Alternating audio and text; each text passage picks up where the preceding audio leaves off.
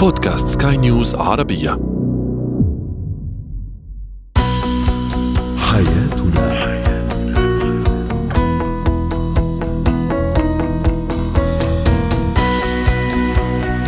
أهلا بكم مستمعينا الكرام إلى حياتنا برنامجكم اليومي الذي يعنى بشؤون الأسرة وباقي الشؤون الحياتية الأخرى والذي يمكنكم متابعته على بودكاست سكاي نيوز عربية. معي أنا طيبة حميد.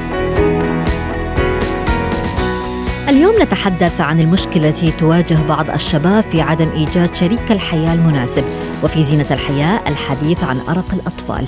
ونسلط الضوء أيضا على مهارات الاتصال والتواصل. هو وهي.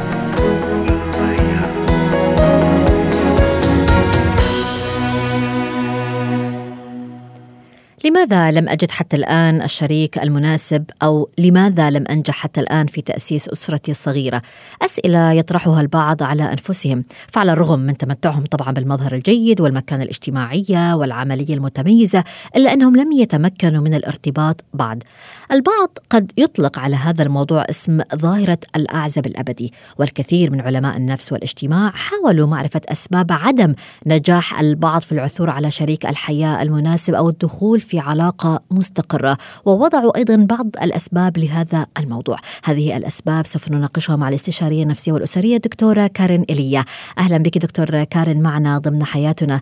يعني في البداية كيف نصنف عدم استطاعة البعض آه، من الارتباط؟ وخاصة في وقتنا هذا يعني نجد الكثير من الشباب لديهم كل إمكانيات التي قد تؤهلهم بالفعل للارتباط ولكنهم عاجزين عن إيجاد الشريك المناسب. صحيح لأنه الارتباط يتطلب مجموعة عوامل. اولا الجهوزية المادية ثانيا الجهوزية النفسية ثالثا الجهوزية على المستوى العائلي والمعارف والصداقات وغيرها. وثلاثة النضج النفسي يعني الوقت المناسب يعني حان الموعد حان الوقت. وهيدي تنوصلنا ما فينا نقول إنه بعمر معين مثل ما في كليشيه براسنا إنه هيدا صار بعمر الزواج هيدا صار خرج جازي هيدي الجملة كنا نسمعها وكنا نقولها ولكن عمليا على الأرض يلي بيصير خرج الجازي هي case by case شخص يعني حالة فردية نعم. مرتبطة بكل هيدي الأمور ومرتبطة بالقرار الشخصي والاستعدادات من قبل الشخص والفرد للانطلاق باتجاه الآخر.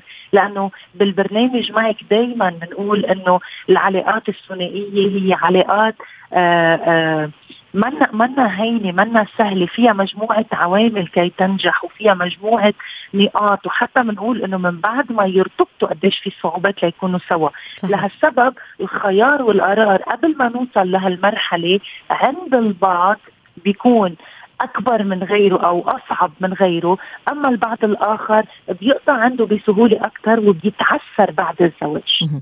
طيب هل نستطيع أن نقول مثلا الأجيال في هذا العصر أصبحت أيضا مختلفة متطلباتهم مختلفة يمكن هم مختلفين أيضا عن آه، ما اعتادوا أن يروا آه، أهلهم آه، عليه؟ هل هذا صحيح برأيك؟ هلا حكما حكما. اليوم آه، التعديلات على نظام الحياة على منطق التفكير على المستوى العلمي يلي عم يوصلوا له الأجيال. حتى النظام الاقتصادي يلي نحن فيه اليوم حكما بيلعب دور كثير كبير. بالإضافة للشيء اللي ذكرتيه واللي هو أساسي اليوم إنه أهلنا كان عندهم غير ظروف لأنه في قسم كثير كبير من أهلنا زوجاتهم ما كانت عن قرارات. يعني لو نحن بنرجع يمكن للعصر القبل إذا بدنا نرجع ننطر الأشخاص تهن يعملوا خياراتهم. يمكن في كثير أشخاص كانوا وقعوا بنفس المطب يلي اليوم في شباب هن واقعين فيه إنه ليش بعد ما لقيت أو ما وجدت. ولكن بالسابق في فئة كثير كبيرة من الناس كانوا يلاقوا للعريس أو يلاقوا له العروس. نعم. فاليوم صحيح المجموعة العوامل ولكن في فك في عامل كثير أساسي ما فينا ننساه هو العامل النفسي والجهوزيه، يعني في قسم كثير كبير من الأشخاص عندهم الأسباب المبطنة لعدم إيجاد الشريك الآخر. هي عدم جهوزيتهم لهم والخوف من كيف يجب أن يكون الشخص جاهز؟ يعني البعض يقول مثلا هو يعمل بالفعل ومثلا في مكانة عملية جيدة على المستوى الاجتماعي هو لديه لديه من الأصدقاء ما يكفي ولكنه إلى الآن لا يستطيع الارتباط بأي شريك. آه، هل هذا يعني هو جاهز أم لا؟ نعم. هون على هيدا المستوى بدنا نشوف على المستوى الشخصي النفسي قديش جاهز. لأنه كنت عم بذكر من من شوي إنه في أشخاص كثير بيكون عندهم الاستعدادات المادية العمر صار عمر آه، كثير مقبول في نضج في كل شيء ولكن ما عم لاقي الشريك. ليه؟ لأنه أنا شخصيا بخاف من الكوميتمنت بخاف من الارتباط. فحكما إذا أنا بخاف من الارتباط عم حط هالحواجز براسي قبل ما انطلق باتجاه الآخر. وعندما آه، انطلق باتجاه الآخر دائما في عندي الأسباب الموجبة يلي بتمنعني أقول. ساعة بقول متطلب ساعة بقول غير ناضج ساعة بقول مش حلو ساعة بقول أنا بدي غير مستوى تعليمي. دونك عندي الحجج بالإضافة أكيد تأنا أكون ناضجة وجاهزة للارتباط في شيء اللي بنسميه الكيمستري الطاقة يلي بتنوجد بين الأشخاص يلي بتجذبني باتجاه شخص معين وهو بتجذبه باتجاهي ولكن أنا ما بقدر اكتفي اتكل على هيدي الطاقة لأن هيدي الطاقة هي المدخل هي اللي بيساعد. ولكن من بعدها قديش أنا حققت النضج النفسي يعني بلشت صار عندي الاستقلالية الفكرية هيدا معناتها النضج النفسي صار عندي الاستقلالية المادية صار عندي استعداد العطاء والمساومات وال يعني آه اتخلى عن بعض النقاط يلي أنا لإلي بتخليني بحلقة أمان. لحتى انجح بعلاقتي مع الآخر. هيدي نقاط بتدل إنه الإنسان بلش يصير عنده نضج نفسي وصار بيقدر يكون بعلاقة مع شخص آخر. هون ساعتها بنضيف العوامل الثانية إنه العامل الاقتصادي. نعم. العامل الاقتصادي صار ناجح العامل غيره كمان. هل نستطيع أن نقول أيضا المبالغة آه، في التوقعات هي أيضا قد تعتبر من الأسباب البارزة لعدم العثور على شريك مناسب؟ هل يجب أن نقلل من توقعاتنا؟ أكيد التوقعات والانتظارات من الآخر هي عوامل معرقلة للارتباط ولكن كمان هون وقت كل ما نحن عم نحكي عن أشياء غير ملموسة معناتها عم نحكي عن أسباب نفسية موجودة عندنا نحن. إذا بنحلها بروح بتروح العرقلة. يعني أنا إذا مثل ما عم بتقولي الانتصارات هون الانتظارات. أنا ما بروح لعند الآخرين بقول لهم غيروا تصرفاتكم لتتغير انتظاراتي. أنا بشتغل على انتظاراتي الشخصية. بشتغل على ليش أنا عندي هالانتظارات الكثيرة؟ لأنه أحيانا كثير نحن بنعلي السقف لأنه عندنا خوف من الارتباط وعم نلاقي المبررات والأسباب. جميل. بالإضافة لهيدي النقاط كلها أحيانا كثير الضغط العائلي الضغط العائلي عند بعض الأشخاص يلي آه، بخلي الشخص ما يعرف ياخذ قراراته الفردية والشخصية بتخليه على طول آه، بحالة ما بيعرف إنه هيدا القرار هو قراري أنا وهلأ صار الوقت كون أنا عم باخده مش ناطر الآخرين.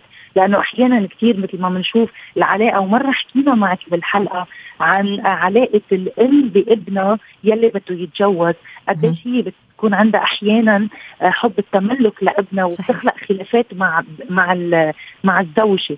هيدي الحالة أحيانا كثير ما بيقدر يوصل للزوج يوصل للزواج آه، بعد المشاكل. نتيجة تعلق الوالدة ومثل بتحسيها مقفلة عليه مقفلته. وتحكم آه. الأهل يعني بقرارات يعني أولادهم مهما كبروا يعني هناك بعض من الأهل إلى الآن يتحكمون بقرارات أولادهم بمن يرتبطون بمن لا يرتبطون. وبالمقابل هناك خوف آه، من آه، من يعني عدم أرضاء الأهل. نعم وهون كمان في نقطة مهمة بخوف الأهل على قرار أولادهم هي أحيانا كثير الأهل غير مدركين إنه هن عم بيعرقلوا ابنهم. وإذا بتسأل الأهل بشكل مباشر بتطلع إنه هن عم بيحاولوا ينبشوا له على الأفضل. ولكن الأفضل بالنسبة لإلك مش مثل الأفضل بالنسبة لإلي ولا بالنسبة للابن. ودائما الأهل كمان بس ينبشوا على الأفضل كمان بيعلوا السقف لأنه بالنسبة لهم ابنهم أو بنتهم هن الأفضل بكل الدنيا. لهالسبب بيصعبوا عليهم كمان الخيار والارتباط. وفي حال الابن قرر يطلع عن قرار أو رأي الأهل هون بيعرف إنه أنا عم بتعرض أو أو عم حاطر لمشاكل لإلي أو لمشاكل إلي ولشريكتي بالمستقبل. والبعض قد يحاول أن يتجنب هذه المواجهة. أيضا دكتورة كارين يعني آه، فترة العزوبية إذا طالت هل ممكن أن تكون هي من الأسباب التي تصعب آه، بعدها العثور على شريك حياة؟ يعني المرأة أو الرجل قد يعتادون الحياة بمفردهم لفترة طويلة ولا يستطيعون الارتباط آه، مرة أخرى حتى لو حاولوا؟ نعم بالاجمال بالاجمال كل ما طالت فترة العزوبية كل ما صار الخيار أصعب وهون بيصير الخيار المدرك أصعب لأنه الاختبارات الحياتية بتكتر. وأنا قبل ما أوصل لأعمل خياري بكون قطعت بكثير اختبارات حياتية منها صادمة منها مؤلمة منها آه منها آه فيها آه أوجاع آه منها كثير بشعة. وأحيانا كثير اختبارات ارتباط سابق غير ناجح ومش ضروري يكون أدى إلى الزواج. ولكن كان يمكن أنا حطيت كل قلبي وتقلي بهالعلاقة ولم تنجح. حكما بس أوصل لأعمار متقدمة وأنا بعدني بعمر بي يعني بعدني بالعزوبية أكيد بلاقي صعوبة أكثر بس الفرق إنه بهالمرحلة بصير أكثر عارف حالي شو بدي إذا بدي أعمل خيار. شكرا لك على هذه المشاركة والنصائح والتفاصيل. الاستشارية النفسية والأسرية الدكتورة كارين إيليا زينة الحياة.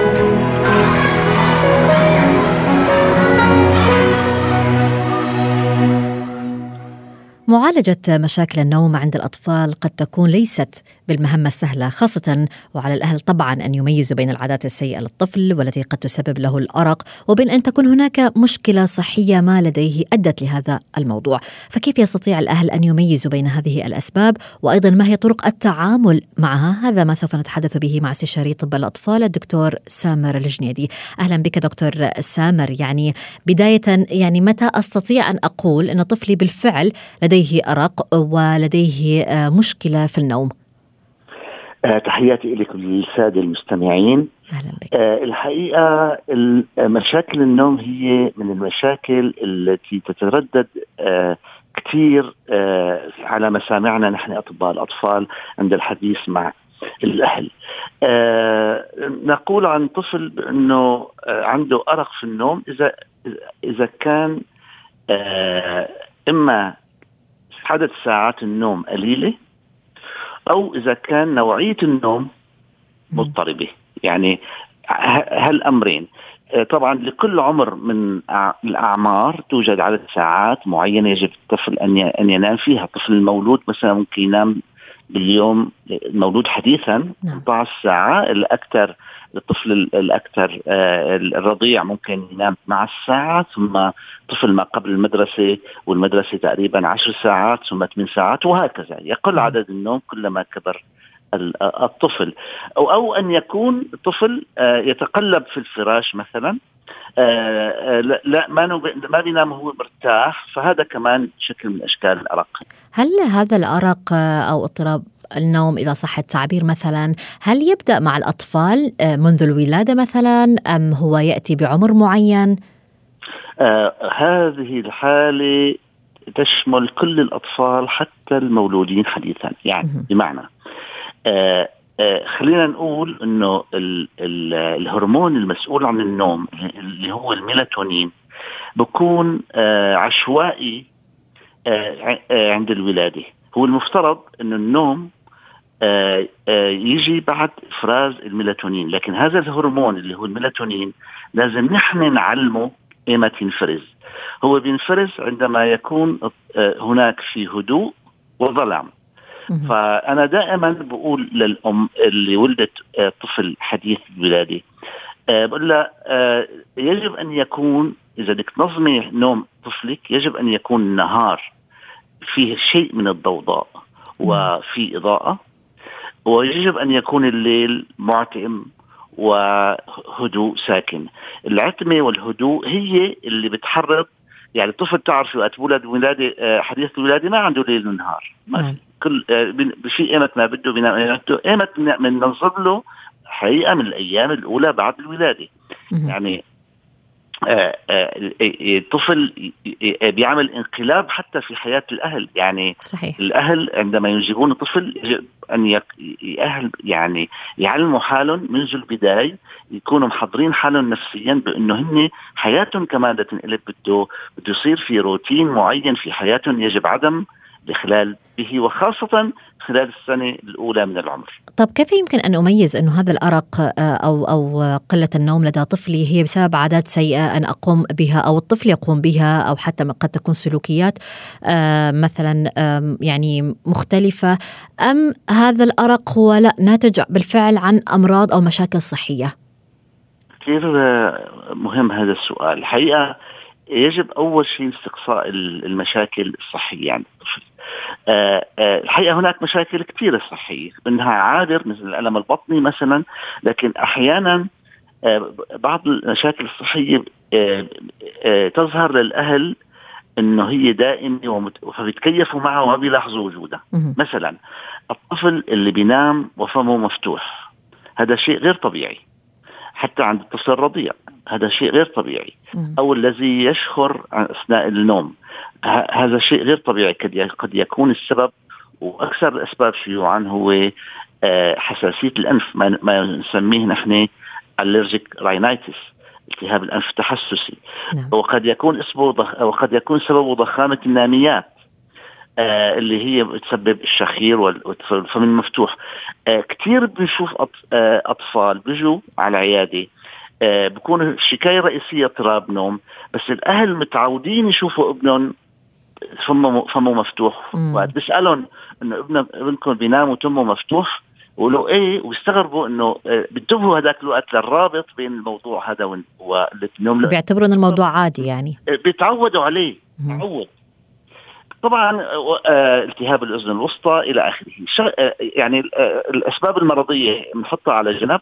نجي على الأسباب الغذائية. طبعا أهم سبب غذائي هو تناول المنبهات وعلى رأس هذه المنبهات آه، المياه المياه الغازية الكولا مثلا آه، ومشروبات الطاقة اللي ممكن تنعطى. هاي كمان تلعب دور في الموضوع. بعد ذلك بيجي المشاكل السلوكية. أنا برأيي أهم مشكلة سلوكية يعني كل المشاكل السلوكية بتنحصر حول نقطة معينة عدم وجود روتين معين للطفل قبل النوم. هذا الروتين هو هو اللي بيعود الطفل النوم. يعني ما بصير الطفل مرة ينام الساعة 10 مرة ينام الساعة 12 آه لازم يكون موعد العشاء ثابت قبل النوم مثلا بساعتين. نعم. آه ما قبل النوم يجب أن ما نجهد الطفل بين العشاء وبين النوم. ما نجهده ذهنيا ولا نجهده آه، جسديا. نحطه بمكان آه، آه، يعني هادئ. آه وبعد آه يروح على النوم يتعود إنه ينام آه آه في سريره في وقت معين نعم. آه, آه، في في غرفة حرارتها آه مناسبة وهادئة نعم. مناسبة للنوم شكرا لك على هذه النصائح الدكتور سامر الجنيدي استشاري طب الأطفال مهارات حياة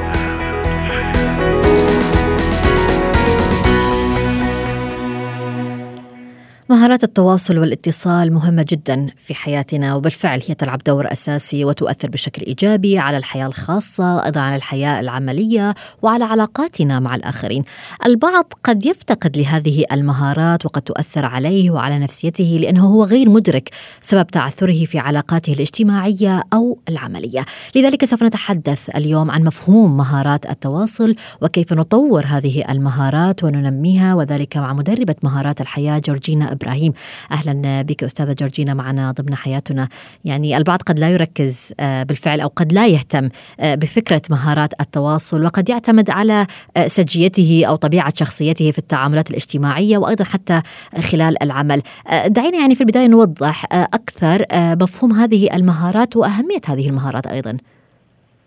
اولا مرحبا ويعطيك العافية. أكيد اللي عم نحكي عنه من أساسيات الحياة لأنه نحن بالنهاية إذا ما بنتواصل ما بنقدر نوصل فكرتنا وما بنقدر نعرف إذا فكرتنا وصلت بشكل صحيح ولا بنقدر ناخذ الفيدباك يعني ما بناخذ إذا بدك المفهوم يلي الشخص الآخر وصل له.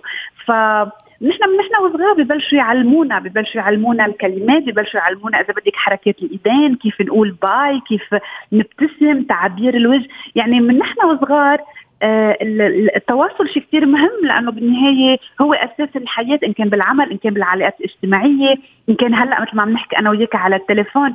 سو so هو أساس الحياة أساس أساس كل شيء بالحياة. وإذا ما بنعرف نتواصل صح على التليفون بالإيميل وجها لوجه إلى آخره بنخسر كثير خلينا نقول فرص. يمكن آه كان فيها تكون تودينا لمحلات لمحلات أحلى. فهيدي إذا بدك هيك فكرة أساسية لكل اللي عم بيتابعونا هل قد مهم ننتبه على التواصل؟ كيف نحكي؟ كيف نوصل فكرتنا؟ نبرة الصوت انتقاء الكلمات تعبير الوجه إذا الوجه إذا نحن عم يعني عم نشوف الشخص وجها لوجه أو حتى عبر التطبيقات اللي هي صارت هلأ إذا بدك أخذ كثير من حيز حياتنا إن كان زوم ولا سكايب ولا غيرها. ال body language يعني وكل الدورات التدريبية والحكي وأكيد أنتم يعني برنامجكم على طول بتحكوا عن هذه المواضيع. صحيح. نركز قديش مهم هيدول هالتفاصيل. هي مش تفاصيل هي مواضيع يمكن ينكتب عنها أطروحات صحيح. بالدكتور. طب أستاذة جورجينا يعني يعني كيف يمكن اليوم أن نصنف أنفسنا إذا كنا بالفعل أشخاص؟ نمتلك هذه المهارات أم لا؟ نحن بحاجة لتعلم هذه المهارات. يعني هل نستطيع أن نواجه أنفسنا بهذا الموضوع؟ سؤالك سؤالك جدا مهم، أول شيء بدي أعرف أن أعمل تقييم، يا ترى أنا الأشخاص اللي عم بلتقى فيهم إن كان بالحياة العادية أو الحياة العملية، يا ترى هالعلاقة نحن وهالأشخاص عم تتطور؟ عم تصير يمكن أنا قادرة أترك انطباع إيجابي عند عند الناس و و والى آخره. هيدي شغلة. وشغلة ثانية كثير مهمة إني آخذ رأي آخرين يعني آخرين أنا بشتغل معهم يمكن هن مسؤولين عني يمكن كوتش لإلي. يعني كثير مهم ناخذ رأي الغير لحتى نعرف إذا نحن عن جد ماشيين على الطريق الصحيح ولا لا. إذا نحن عن جد آآ آآ عم نقدر نترك الانطباع الحلو عند الغير يا ترى نحن عن جد عم نتطور بعلاقاتنا ولا نلتقى بأشخاص ما بيحبوا يتواصلوا معنا بتنقطع العلاقة. ما كثير يمكن إنه بيرجعوا لنا بأي بأي رأي. ف كثير مهم إنه أول شيء أنا نعمل إذا بدك تقييم self evaluation أنا وين؟ يا ترى أنا بالعلاقات عم ب... عم تتطور عم بتدوم العلاقات؟ شغلة كثير مهمة. العلاقات بالشغل وبالحياة الاجتماعية عم بتدوم عم تتطور. عم بحس إنه الآخرين بحبوا يلتقوا فيي يحكوا معي ياخذوا برأيي. هيدي كثير مهمة. وكمان إذا في غير شخص لأنه بتعرفي الغير بيشوفونا بطريقة يعني بيشوفونا نحن ما فينا نشوف حالنا صحيح. ما بنقدر نحن نعمل تقييم تقييم لذاتنا. فمثل مثل إذا أنت عم تلبسي شيء عم بت عم تلبسي شيء ما بتعرفي إذا حلو عليكي بدك رأي الآخر. سو ورأي الآخر بده يكون كمان موضوعي عم يعطيكي اياه بموضوعية من دون ما يجرحك من دون ما يكسر فيك. يعني في بعض الأوقات قد نجد أشخاص مثلا آه، يصنفون أنفسهم أو يقولون بأنهم هم أشخاص ليسوا اجتماعيين ولا يعني لهم هذا الموضوع وهم آه، مكتفين مثلا بمجموعة صغيرة جدا من الأصدقاء أو من الأهل مثلا. هل هذا الأمر صحيح يعني أم أنهم فشلوا بالفعل أو أنهم آه، ضاعوا ولا ولا يجدون هذه المهارات؟ لذلك هم اختاروا الطريق الأسهل بفكرة أنهم يصفون أنفسهم بأنهم أشخاص ليسوا اجتماعيين بالمرة يمكن هن بيرتاحوا هيك يمكن سعادتهم هيك يمكن في كثير أشخاص بتخلص مثلا دوام عملها وبترجع على البيت بتقعد لوحدها بتقرأ كتاب بتحضر تلفزيون يمكن تتواصل بس مع عائلتها. هن هيك مرتاحين ومبسوطين. هلأ وين المشكل وين بيصير؟ إذا هن عن جد مش قادرين يبنوا علاقات وهن بحاجة يعني هذا بصير إذا بدك مثل الكونفليكت مثل الصراع إنه أنا بحاجة يكون اجتماعية بس مش عم بعرف كيف. بحاجة أتعرف على ناس وأبني علاقات ناجحة بس مش عم ما عندي المهارات المطلوبة. هون بصير الصراع بس اللي هو مرتاح بينه وبين حاله وما بده يتعرف على ناس وما بده يبني علاقات ومرتاح بهالسيركل الصغير يلي هو حواليه. خليه خليه مبسوط لأنه بالنهاية الهدف من كل شيء إنه نكون مرتاحين بكل شيء بنعمله هيدا طب يعني هذه المهارات مثلا آه، إلى ماذا تحتاج؟ تحتاج مثلا للدبلوماسية، للطافه، آه، لاستخدام مفردات صحيحة أثناء التحدث مع الآخرين، لكي أكون واقعية يمكن أكثر، يعني كيف يمكن أن أن نصنف هذه المهارات؟ اللي قلتيه كثير مزبوط. بحاجة الواحد يعرف شو يحكي شو الأسئلة اللي يسألها بس يتعرف على أشخاص جداد أو بس يكون قاعد بأي آه، آه، مجتمع معين. شو المواضيع اللي بحق له يحكيها ما بحق له يحكيها؟ كيف يعطي تعليق كيف كيف يعطي آه، مديح؟ كيف إذا بدك يتفادى أي سؤال محرج؟ كيف إذا بدك آه، يفتح موضوع يخلي الكل الموجودين يحبوا إنهم يسمعوه ويتشاركوا يتشاركوا فيه؟ أكيد هذه كلها مهارات يمكن يمكن طريقة الإلقاء يمكن يمكن كمان الثقة بالذات. شغلة كثير مهمة الواحد يكون عنده ثقه بالذات ويكون موجود ويعرف من دون ما يكون في تكبر. يعني هون على طول ما بدنا إنه نوصل للماكسيموم إنه الواحد عنده ثقه بذاته بس مش إنه أنا بحكي والكل بيسمع. وما كمان شغلة كثير مهمة نعرف نسمع غيرنا. كمان كثير مهم نعرف نعطي أهمية لغيرنا. كلنا بنحب إنه حدا يسمعنا حدا إنه هيك يحب الأفكار والأخبار يلي نحن يلي نحن بنخبرها فكثير مهم مثل ما نحن بنعرف كيف نحكي أو نحب نحكي كمان نسمع لغيرنا لأنه بالنهاية العلاقات هي هاي واي طريق روحة رجع وهل يجب أيضا أن نركز مثلا على الأمور الإيجابية آه للآخرين بدل من التركيز على انتقادهم؟ كثير حلوة فكرتك لأنه بالنهاية الناس ما حدا بحب ينتقدها؟ وإذا بدك تعطيها ملاحظة أو لا, لا, لا لصالحها تكون هيك بطريقة مرتبة حلوة آه لوحدنا مش قدام نعم. الكل. أكيد يعني ما حدا بحب إنه ينتقد وخاصة إذا قدام قدام الآخرين. نعم. فاللي عم بتقولي شغلة كثير مهمة أكيد لأنه بتكسر العلاقة ما بتكون عم تبني العلاقة مع الغير. إذا نحن على طول بنضل ننتقد ونشتكي. شكرا لك على كل هذه التفاصيل والنصائح مدربة مهارات الحياة جورجينا إبراهيم. حياتنا.